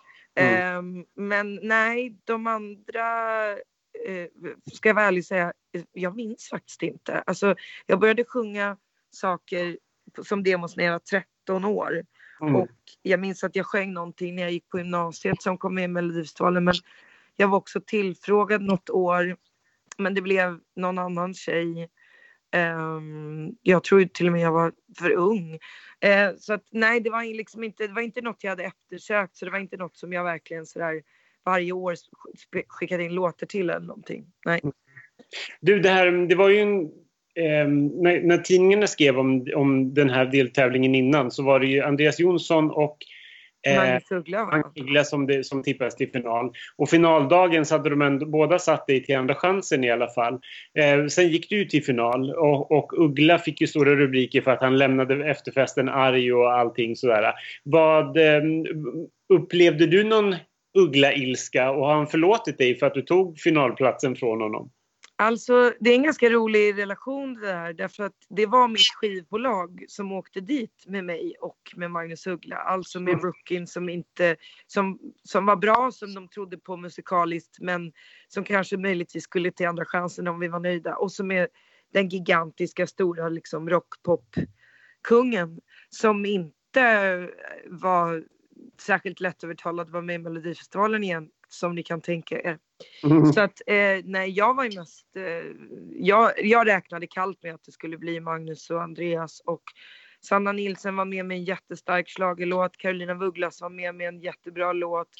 Ehm, och, eh, och After Dark, icke att förglömma, som alla också trodde väldigt mycket på. Mm.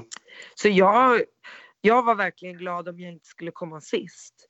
Eh, men, men, eh, men sen gjorde vi ju någonting speciellt med numret och det märkte jag att, att folk började prata väldigt mycket om under veckan. Att jag hade valt, jag var ju väldigt tydlig, jag ville ju egentligen bara ha ett, en, ett, en enda kamera under hela numret. Det blev ju några klipp till på slutet men vi hade väl drygt två minuter med bara en enda kamera och jag märkte under veckan att det liksom genererade lite snack. Att så här, shit, det där är verkligen effektfullt och liksom unikt och sådär.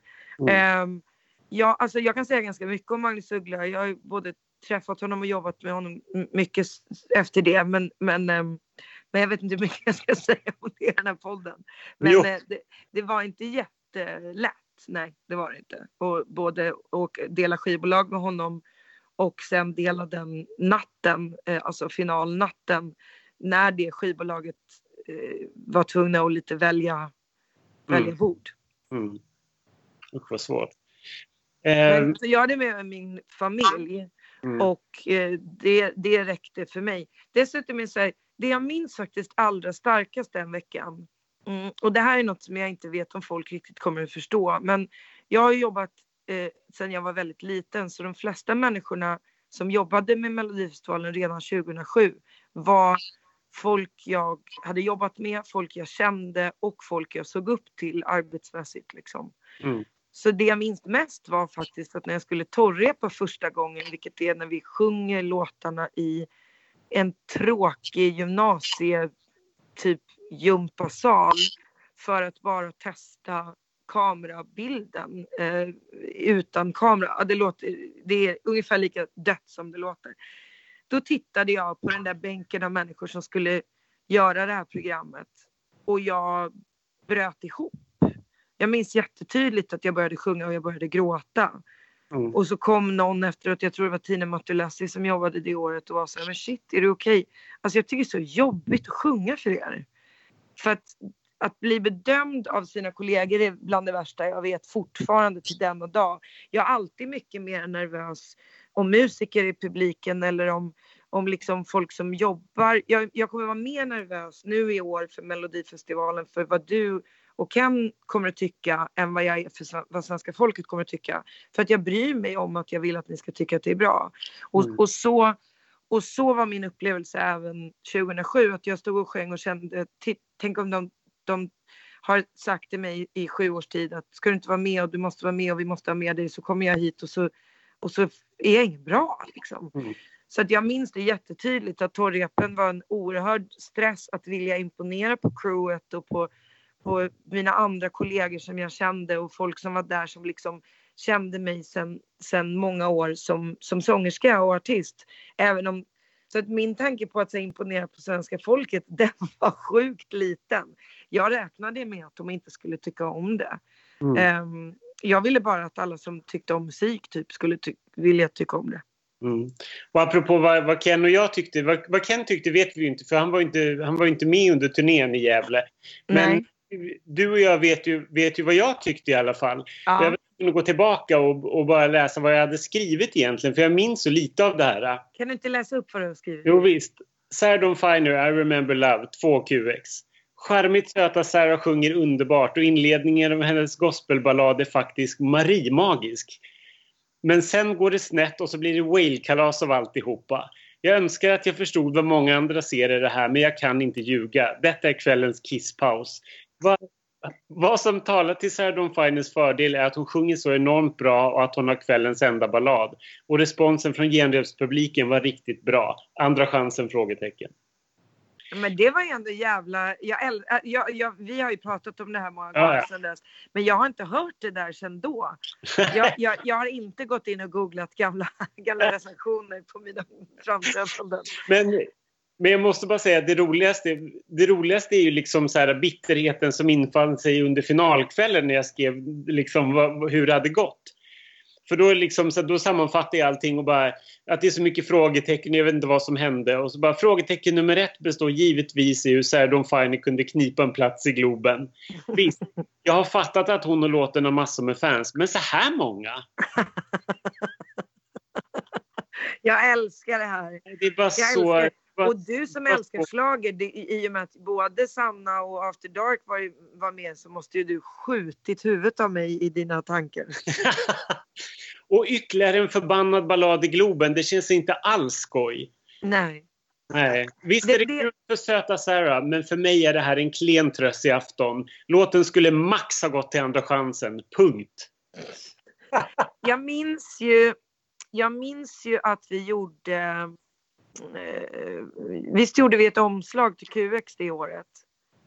Nej, det var inte det året. Det var, det var ju 2009. Var det 2009? Ah, Okej, nej, men då hade vi inte träffats. För vi träffades ju på riktigt på efterfesten och pratade om det här. Ja, precis. Och, och, och minns du vad jag sa till dig när vi träffades? Det enda jag kommer ihåg var att, så här, att du var så jävla gullig, kommer jag ihåg. Och du bara, jag tycker om det, jag förstår precis om, om du är besviken och du vet sådär. Jag är ledsen att... Jag, jag får mig typ så här, nästan dig att ha tagit den här Ja, finalplatsen. det första jag sa till dig var förlåt.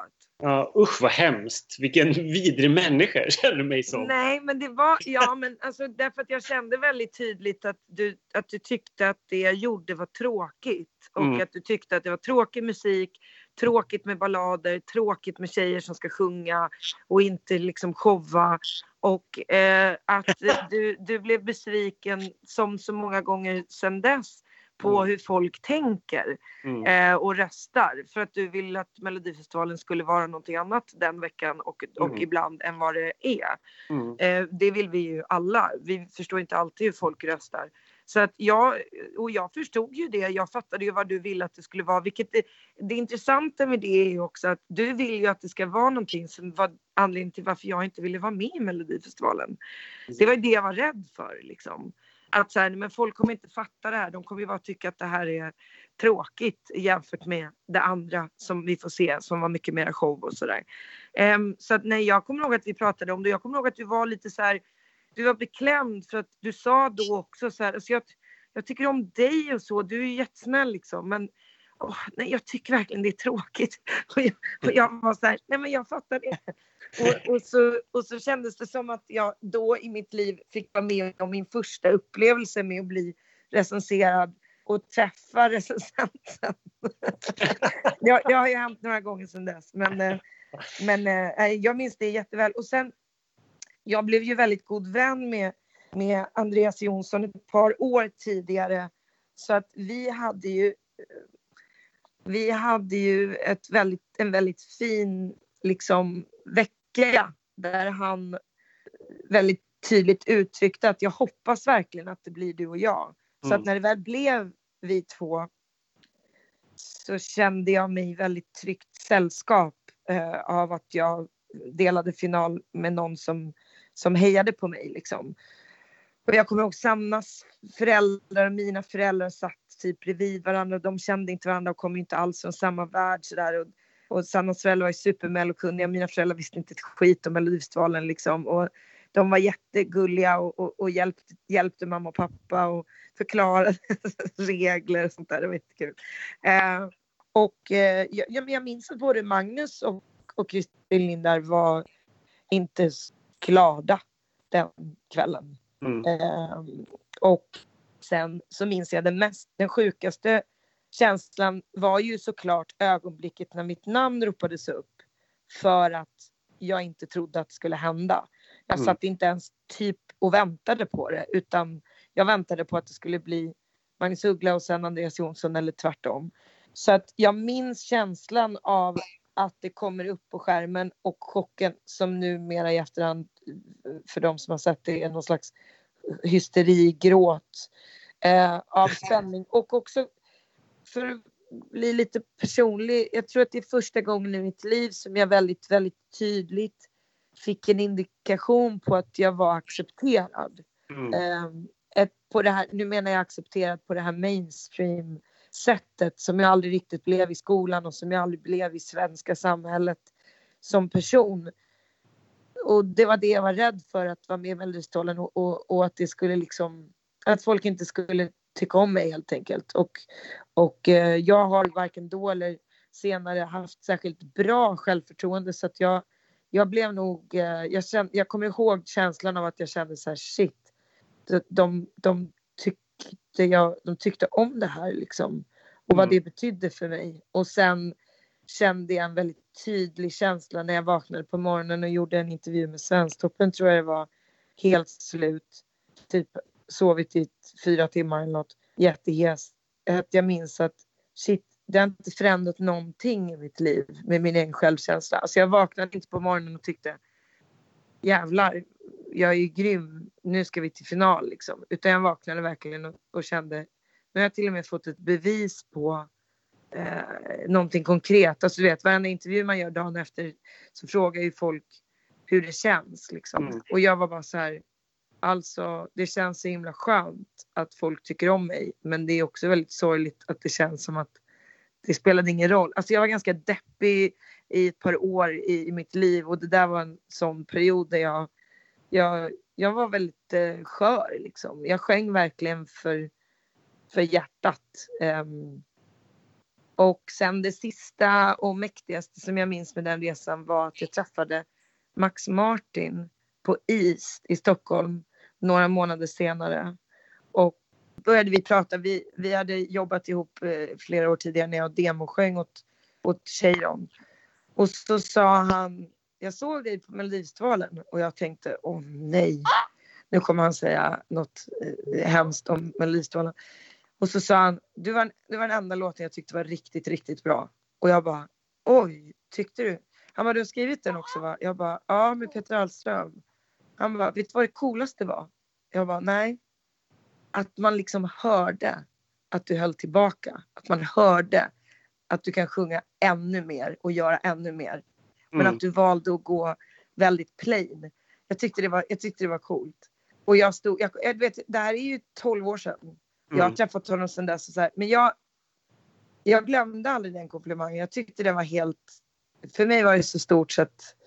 Ehm, och just att han så här, gav mig komplimang för en låt jag hade skrivit och för något. äh, men det var jättestort. Så det är nog den bästa, eh, den bästa liksom slutet på den där resan. Mm. Fan vad häftigt. Fan vad, vad kul att höra. Jätteroligt. Och då Och så- svarade jag ju såklart, men, Kent, men, men Ronny tyckte att den var skit.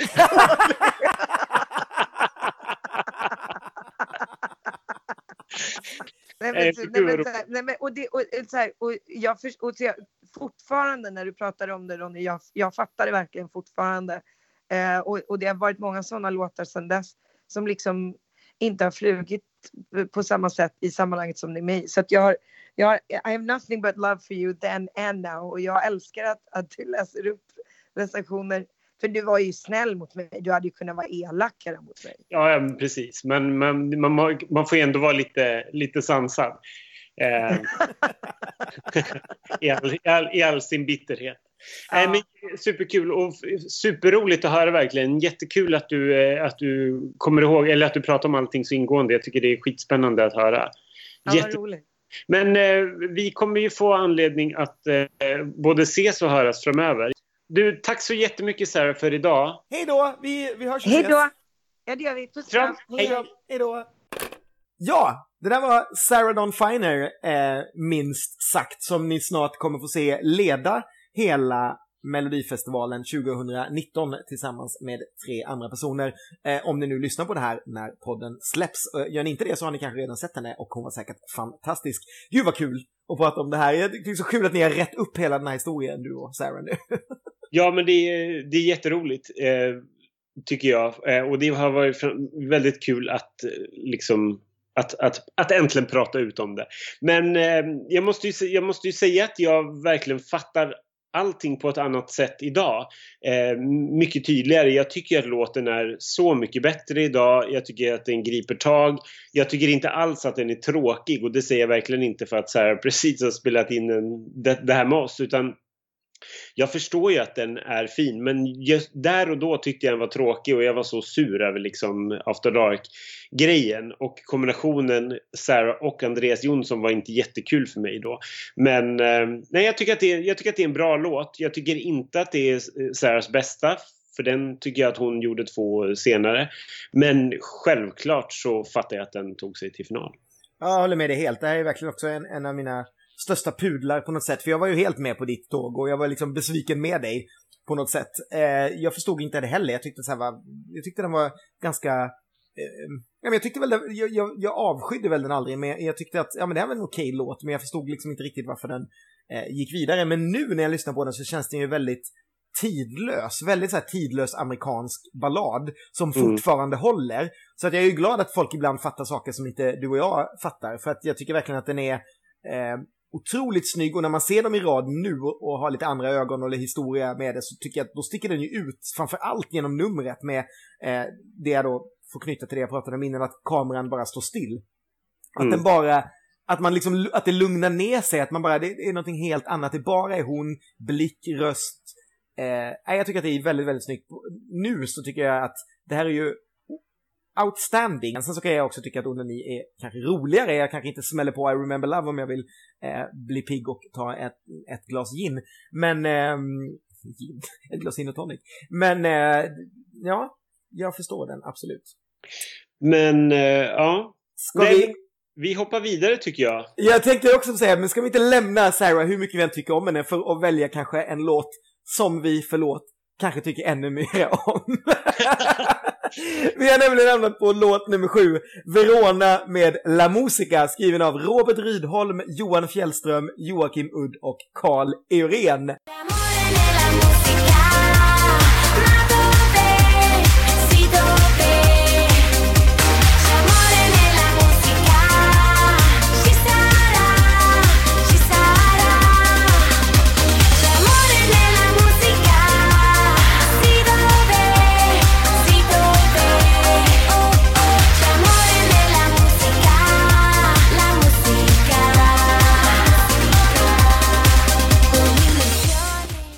Får, jag bara, får jag bara börja med att hylla Carl Eurén som inte bara har skrivit det här mäster, varit med och skrivit det här mästerverket. Han har dessutom varit med och skrivit schlagerprofilen och favoriten Bara du och jag med Balsam Boys.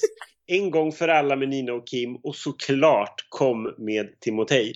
Ehm, jag älskar La Musica och har nog alltid gjort det. Jag kanske inte insåg storheten med den när den tävlade för att jag var så besatt av After Dark eh, Men jag tycker verkligen att det här är så jäkla bra. Jag tycker att den här låten håller henne. Jag önskar att vi varje år, varje deltävling fick en sån här låt. Ja, och jag håller med. Grejen är, du, då, då minns du kanske lite fel, för jag kommer ihåg, det här kommer jag ihåg däremot att du eh, skrev eller ringde eller vad vi nu gjorde när vi kommunicerade med varandra på den tiden eh, och berättade om att du var väldigt imponerad av där. För att för mig Ja, hade den också fallit förbi, men du sa att "Ah, men det, det där är ett utropstecken. Hon, eh, och jag vet dessutom att Edvard var ju med på den tiden och, och skrev, va? Eh, han var inte Ja, med på grejen, men han var med och skrev för Gyllene skor om jag inte minns fel, eller var det? Ja. Ja. Och, och ni två då, som, som ju var mina kontakter där, båda två rapporterade hem till mig att ah, men det här är ju liksom, den här tjejen är ju någonting helt annat. Hon är jättegullig, det är inte alls det vi liksom förväntade oss kanske när vi hörde låten, för man tänkte att det skulle vara något mera eh, Ja men den här typen av 90-tal slash 00-tal tjej med stora tutt, alltså slits eh, Mm. grafgrejen. Men att det här då med hennes liksom gula lilla kjol och det här liksom söta, att det på något sätt balanserade upp eh, låten och så vidare och så vidare. Så jag var jättenyfiken och jag tycker fortfarande att den är också, alltså jag, jag älskar den här. Eh, jag gjorde det, det här, det här är, måste ju vara den bästa sista platsen någonsin. Och jag, det här, med- nu tänker jag bara lägga in en brasklapp eftersom både du och jag är med i Melodifestivalklubben att det fanns ju någon form- form av omröstning där i år där man röstade på sista platser där man inte kunde rösta på Verona eftersom man röstade bara på det som hade gått till final och kommit sist, vilket är skandal eftersom Verona såklart skulle ha vunnit den bästa sista platsen någonsin i eh, Melodifestivalen. Det, det här är ju bara lovely, den är, den är så jävla härlig. Däremot kan jag, när man ser numret, de här eldkillarna är jag mycket tveksam till. Den här nycirkusgrejen, varför det ska stå två, det, det försvinner ju helt på scenen bara. Fokusera på brudarna, säger jag bara. Men eh, Ja, verkligen. Det, det faller ju platt. Jag kan också berätta den lilla anekdoten att körtjejerna var från, var från början klädda i Victoria Beckham jeans. Men de fick byta, för det gick inte för sig för SVT för att de hade stora loggor på bakfickorna och det fick man, får man ju inte ha när man eh, dyker upp i svensk eh, statlig television. Så då fick de ta på sig ett par andra vita byxor. Men att komma från ett dataspel går tydligen bra 2019. Det är något helt annat. det är någonting helt annat. Eh, ja, jag vet liksom inte, vi skulle kunna hylla det här tills, tills korna går hem, men eh, vad- kan man säga liksom om Verona? Jag, jag kan ju säga att det är lite synd att vi inte har fått tag i Verona, för vi skulle ju hemskt gärna velat ringa upp henne här. Men eh, jag vet, det får väl bli något annat tillfälle hur vi ska få in Verona någonstans. Ja, vi får, vi, hon får dyka upp när vi pratar om Verona från Estland, när vi börjar med de est- estniska sändningarna och gå igenom dem. Eh, men vi, eh, det vet vi faktiskt inte. Men vi hoppar väl glatt vidare till den, den sista låten och en av de stora favoriterna i den här deltävlingen. Ja men absolut, och inte bara i hela deltävlingen utan alltså personen som fick eh, äran att gå ut sist eh, i den sista deltävlingen 2007. Andreas Jonsson, A Little Bit of Love, skriven av Andreas Jonsson och Peter Kvint. Yeah,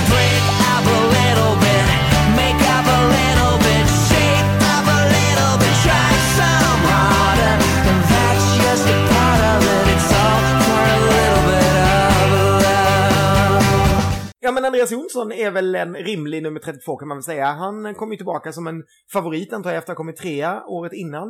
Eh, och ja, det här är väl en helt okej låt. Vi är väl inte, varken du eller jag, Andreas Jonssons absolut största fans, men det här är väl en, en bra låt.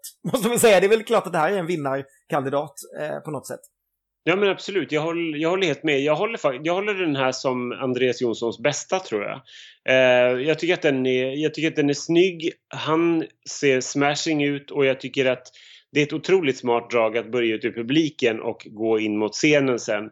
Och det är ett snyggt nummer och eh, hela, liksom, att man åter, anknyter till den här liksom, 60-tals-feelingen eh, i, i låten. Eh, det var ju... Eh, jag ska också säga att han hade ju influensa som vi redan har nämnt då, så att han var ju fullproppad av tre och kommer inte ihåg någonting av, av sitt framträdande och, och vad som hände och mådde verkligen pyton. Eh, men det tycker inte jag märks i rutan när man ser honom. Nej, det tycker inte jag heller. Jag tycker att det ser, allting ser väldigt bra ut och det är på något sätt ganska självklart att den eh, var väl den som gick bäst då, förut, eh, den som gick bäst eh, och fick flest, flest röster. Eh, jag tycker det är alla rätt. Och han hade ju säkert vunnit om inte The Ark hade funnits där, misstänker man. Eh, Precis. Det, det var ju en del plagiatanklagelser kring den här låten eh, som tidningarna snappade upp eller påpekade att han, de tyckte att det lät väldigt mycket som Bette Midlers Glory of Love. The Glory of Love. Eh, vilket jag inte alls riktigt förstår. För jag har lyssnat på den låten. Det är någon låt från... Känner du till den? nej, vi kanske kan spela lite på den här och se om vi hör någonting. Absolut, vi spelar lite grann av refrängen så kan man höra och då kanske man hör att det finns vissa toner som är lika men det är ju två verkligen helt skilda låtar och det finns låtar ur mellohistorien som är betydligt mer lika. You've got to win a little, lose a little.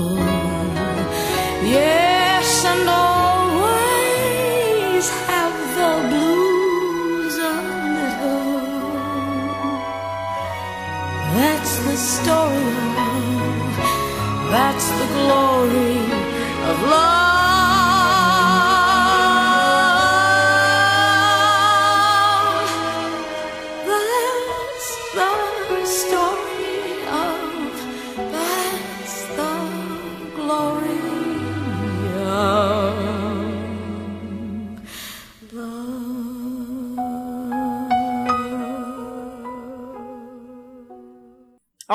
Där var den. eh, men eh, ja, och därmed hade vi hört alla låtarna. Det är väl inte så mycket mer att säga om, om eh, det kanske? Eller? Har vi någonting? Nej, inte, inte direkt eh, tycker jag. Eh, jag. Jag blir lite förvånad. Man är så van vid nu att det är sju låtar så det blir som man bara, men åtta, det känns så mastigt. Man vill bara plocka bort ja, vilken hade du plockat bort då? Jag hade utan problem plockat bort Caroline af Ugglas. ja, det hade jag också gjort. Nej, jag hade nog plockat bort Emilia Saab förresten. Jag får nog ge er det. Jag tycker att han är ganska, han, han är helt meningslös faktiskt. Så han hade nog rykt där. Men jag måste säga att det, det är ju, det är ju en väldigt liksom bra deltävling. Och på något, alltså, den, den är bättre än vad jag minns den på något sätt. För jag minns alltid deltävling 3 som bättre. För det, det är liksom större hit som har levt kvar för mig i den eh, deltävlingen. Men, men jävlar liksom vad snyggt tänkt och vad jobbigt att vara After Dark i just den här deltävlingen. Eller Magnus Uggla eller Sanna Nilsson för den delen. För de hade nog klarat sig ganska bra om de hade legat med någon av de tidigare deltävlingarna. Verkligen. Eh, men om, om vi hoppar vidare i, i vad som händer i programmet härnäst, då blir Mm. det ett litet Finland special. ja, just det. Vi ska ju till Finland. eh, och det är lite snack om Lordi och det är lite bilder från eh, Grekland då när eh, Lordi vann. Och sen så är det lite så här eh, klipp från när de var med på Allsång på Skansen. Och sen börjar de liksom spinna loss helt och gör liksom så här att, att Lordi har varit med i varenda program under året. Så det är så här, så ska det Lordi och Lordi och Runar och Lordi på rymdpromenad. Jag vet inte fan vad det är. Men det är väldigt mycket Lordi i alla fall. Ja, det blir, det blir väldigt mycket sånt. Eh, men jag tycker ändå att det är kul att man, att man, när man snappar upp de här länderna som man ska åka till. Det tycker jag är kul att få en liten bild av det i alla fall. Nu är så här, Finland kan vi ju väldigt mycket om så det, är inte, det blir ingen överraskning. Men det, jag tycker det är gulligt ändå att man återknyter till det. Men det brukar man ju ofta göra i finalen. Eh, Ja, men precis. Det, jag vet inte, det fanns plats här, men ju, det här Karin Mannheimer serie om familjen Lordi, som är liksom en parodi på Svenska hjärtan, där det bara går runt en, en människa och, och så säger de bara Lordi hela tiden. Jag vet inte riktigt om det. Det mm. inte mycket budget i den där sketchen, men, men okej. Men, och sen så får vi ju då finalisterna. Ja, just det, de fem som går vidare till nästa del. Exakt. Precis. Precis. Eh, och här blev jag lite överraskad. Här kommer ju liksom finalisterna upp på skärmen, eller de får ju bli så här guldförströdda eller vad man ska säga, innan Christian Lok säger dem. Är Ja. det så fortfarande? För det, jag, nu är det väl att man ropar upp och så samtidigt kommer eller så kommer lite efter liksom. Ja, men precis. Jag, jag måste erkänna då, för det, det har vi inte ens pratat om, men de här klippen är ju väldigt svåra att få tag i. De finns ju liksom inte på ehm, eh, de DVD som gavs ut väl, för där finns bara finalen. Eh, Mm. Alltså om man vill se hela programmen och inte bara låtarna, vilket vi vill göra när vi pratar om det här. De finns inte på öppet arkiv, i alla fall inte just nu när vi eh, spelar in den här podden. Utan det här var någon som hade så lite fulakt upp på YouTube som jag lyckades fånga. Och där var hela ljudet ur synk. Så jag vet faktiskt inte riktigt hur det såg ut. Nej, men för- så var det, för att finalisterna liksom så här kommer upp, I remember love, och hinner komma upp liksom, eh, och sen, och precis då säger, eh, säger Lok det. Så det blir liksom så här, man får hålla ögonen på skärmen och eh, sen får man höra det. Liksom, och då ropas de upp i, i ordningen för kung och fosterland, eh, som väl var en given att gå vidare.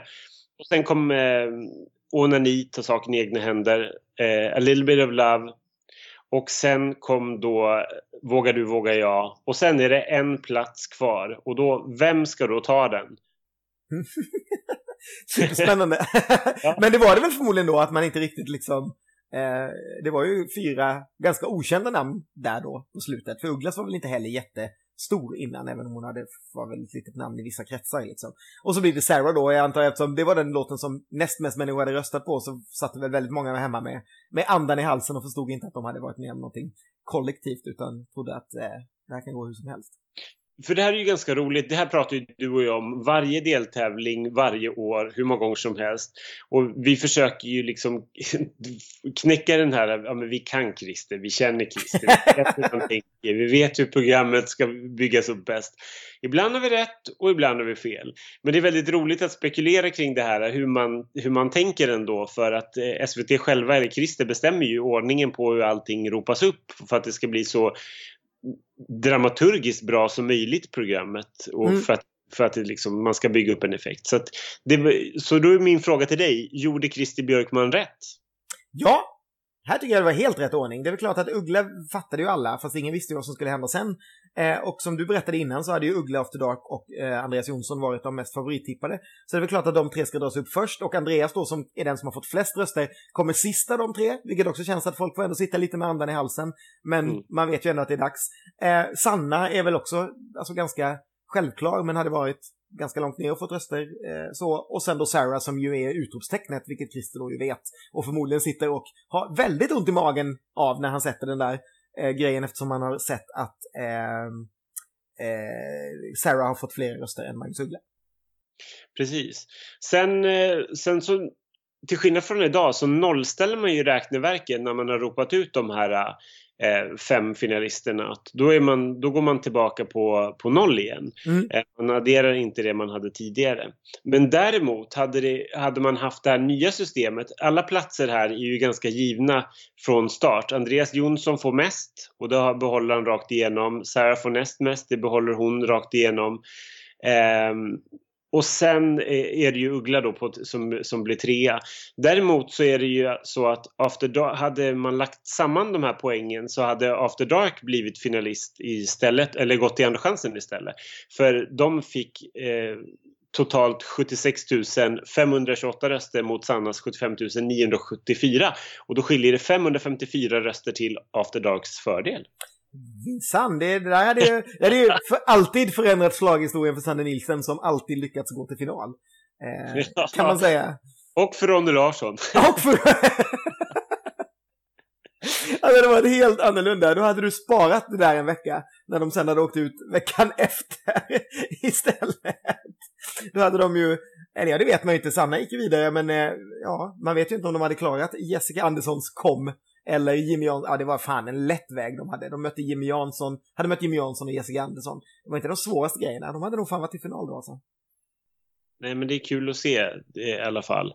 Men sen så händer det ju någonting som jag faktiskt hade lite förträngt i det här programmet, men som är precis lika fruktansvärt som jag minns det. Alltså det här kanske är någon av de alltså, mest hemska mellanakter som någonsin har förekommit i Melodifestivalen. Och jag tänker fortfarande att det var en jättebra idé på pappret, men alltså fy fan för den här eh, trollkarlen från Os i någon form av Melodifestival-tappning som här heter då eh, någonting med musikalen om ljusstaden eller någonting så här, eh, stad i ljus, bla bla bla, eh, som handlar om Judy som är på väg till ljusstaden.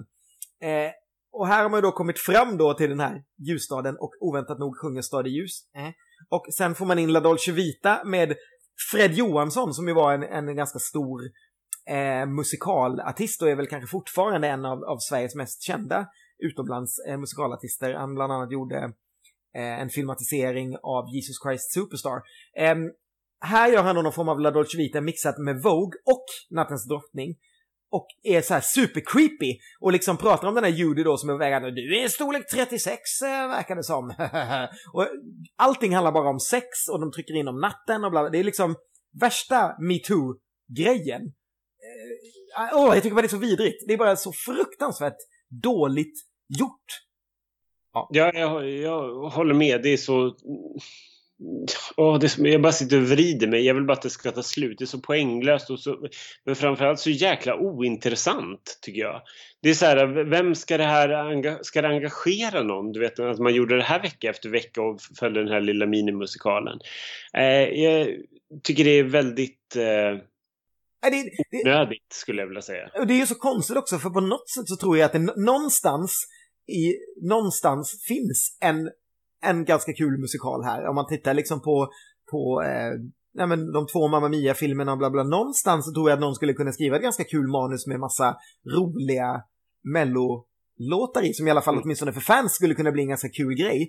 Men här, det här är någon kombination av att man bara gör små snuttar där man ska vara så här vitsig och få med saker. Att man använder liksom musikalartister som på något sätt inte är så kända. Eh, vilket gör det liksom helt ointressant att titta på när det inte är originalartisterna som sjunger. Eh, ah, nej, det är bara så otroligt tråkigt. Stora tummen ner för det här, det här, den, den här mellanakten, tycker jag. Mm. Och sen då ramlar vi in på slutet. Nu ska vi presentera bidragen i final. Och här då, om jag tänkte att Christer var helt i rätt ordning första gången, så förstår jag inte riktigt hur han tänker här. Gör du det? När han ropar upp de här Nej, låtarna? det här, är, det här är lite överraskande. Jag, jag vet inte om det handlar om att man då var för osäker eh, och kände att man ville ha lite upptempo och få igång publiken mot slutet. Att det inte handlade så mycket om överraskningar utan man ville liksom att publiken skulle vara på topp. Eh, med tanke på att det här var ju personen som fick... Eh, eller att man sätter den som fick allra flest röster på slutet för det var de flesta människornas favorit. Kan det, kan det ligga något i det? Ja, antingen det, eller också så är det helt enkelt för att Uggla på något sätt också skulle förstå att han stod mot Andreas Jonsson.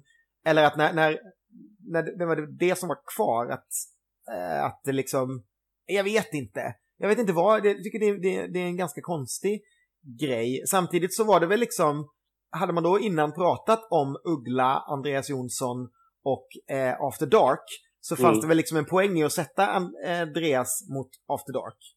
Eh, Mm. För att man liksom då, det, det här är två, två som det har snackats final om och en kommer åka ut och en kommer gå vidare. Eh, Mm. Hade det varit Sarah mot After Dark, fast å andra sidan hade det varit Sarah mot After Dark så hade det ju varit en större förvåning att det inte var After Ja, Dark. precis. Så jag det vet blir inte. chock liksom. Mm. Nej, alltså den största chocken är väl här kanske att ehm, eh, Uggla inte går vidare, men han, han ser liksom, han, jag tycker att han ändå hanterar det hyfsat bra. Det vet inte om han har fått den informationen på sms innan för att han ska se lite cool ut, för jag tycker att han ser ganska så här, han ser inte för chockad ut, han ser inte glad ut heller, men han bara, ja. Sanna ser ju däremot superlycklig ut och någon som ser totalt oödmjuk ut är ju killen som har skrivit I remember love. För han står väl liksom bara typ och så här slår sig över bröstet och gör V-tecken och hoppar omkring och bara typ helt vansinnig. Ja, det, kän, det känns ju lite märkligt, men... Eh, nej, usch, det, det här, de här ögonblicken är så... det är känslomässigt jobbigt för mig att gå tillbaka och titta på det här. Ja, när, när ens egen stora favorit står mot någonting som man inte alls tycker om så bara är det bara bye bye birdie.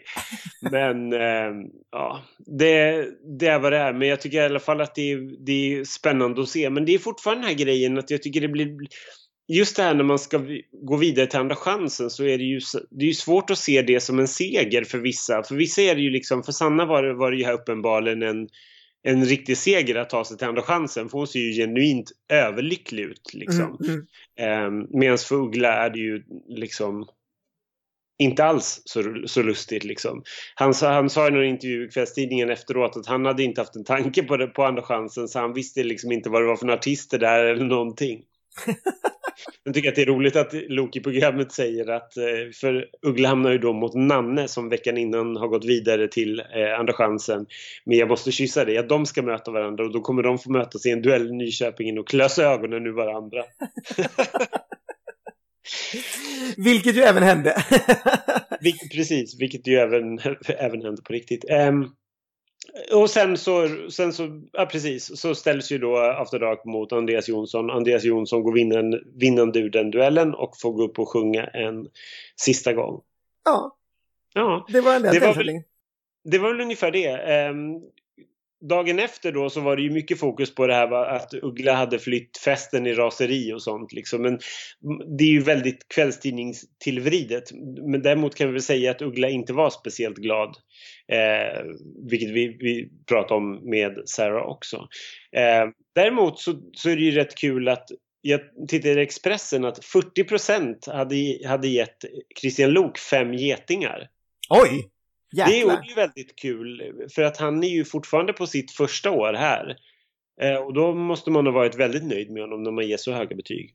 Absolut. Och, jag. och jag antar att det var de låtarna, alltså det här, det var ju klart de låtarna som var folks favoriter då antar jag, som gick vidare. Det, Ja, det, precis. Det var de, det var de i topp. After Dark var däremot en tydlig fyra och Sanna Nielsen längre ner. Eh, med, med inte alls lika höga procent. Så att det var ju liksom de tre i toppen och sen var det After Dark då. då. Eh, däremot så kan det tilläggas att Andreas Jonsson som du sa var en stor favorit i segern. Alltså 82 procent gav Andreas Jonsson fem getingar. ja, man, det där var ju liksom lite, det var lite hans år ju. På något sätt. Men det, det var ju väldigt svårt att slåss mot just The Ark kan man säga. Jag, jag är väl inte säker att, det hade varit en intressant grej om inte The Ark hade varit där. Jag vet inte om det kanske hade varit Måns också då. Måns var ju också väldigt mycket, det, det var ju de tre när vi väl sen kom till, till final på något sätt som det snackades om. Eh, Mm. så. Men eh, ja, den här delfinalen lyckades ju vaska fram både årets tvåa och årets fyra till, eh, till finalen. Ja, det är lite imponerande måste man ju säga. Mm. Ehm, ja, vad ska vi avsluta som vanligt med att säga en, en liten topplista på vad vi tycker idag? Eh, vad, Ja, vad roligt! ja. Ja, får jag börja? du får börja. Oväntat, oväntat så sätter jag... Nej, jag är nog lite oväntad för jag sätter La Musica överst för den tycker jag är fantastisk fortfarande. Eh, sen Onani som klar tvåa och de här två kan byta plats emellan. Och sen som trea så sätter jag... Uh, gud vad svårt, men jag sätter nog ändå Sarah. Ja, det gör jag. Mm. Ja, då hamnar vi ju typ på samma. Jag, jag har ju absolut Verona som etta. Det är ju som sagt en, alltså, en, en topp genom, genom tiderna. Eh, sen sätter jag Sarah som tvåa. Jag, jag upptäckte verkligen den nu igen när jag, när jag såg om det här programmet. Det är en väldigt, väldigt fin låt. Och sen hade jag ju tänkt sätta Onani på trea, men då, då sätter jag väl Andreas Jonsson där bara för att vi ska skilja oss lite. Jag tycker att, som, precis som du sa, det där är verkligen en av hans absolut bästa och eh, en jävligt bra låt. Så jag, jag, jag stoppar in den på tredje plats med en, eh, eh, ja, med en soft spot för Onani också. Mm. Ja, nej men det kan, då kanske vi lägger på locket för vår första deltävling. Det gick ju ganska bra att prata på om det också kan man säga. Ja men verkligen. Eh, och det här med deltävlingar blir ju... Det finns ju hur mycket som helst att ta av. Och det finns så många år att ta av. Så det blir ju lite grann, vi går ju på lite grann på det vi tycker är kul att prata om och som har intressanta startfält. Men det är ju också för att vi vill ju gärna prata om de här fantastiska låtarna som har, som har lämnat oss längs vägen. Och det får vi ju aldrig chansen att prata om om vi bara skulle prata om finalerna. Då får vi ju liksom då går vi ju miste om ja, allt ifrån 22 till, vad blir det, 18 låtar liksom. Absolut, och, jag, och, och som du säger också, att vi har ju faktiskt ända sedan i alla fall eh, den här deltävlingen eh, efter den varit med, vilket gör att vi har också ganska mycket saker att berätta, att prata om, eh, personer som vi kan eh, kontakta och ringa upp och så vidare och så vidare. Och eh, ja, nej, men det kommer att bli lite delfinaler blandat med en delfinaler framöver såklart. Vi, och vi är ju fortfarande unga så vi har ju några år på oss att beta igenom. Vi kommer fortsätta med det här tills vi är över 70 om vi ska hinna med alla deltävlingar och alla finaler. Men bara ni hänger med så, så kommer vi fortsätta. Gud vad roligt. Jag bara, minns du Karlstad 2000? Ja, alla är ju döda nu, men vi kan ju... Men du, jag har, vi tar en, testar en seans med Velvet i alla fall. Jag tror Marianne Dye lever, kan vi ringa upp henne?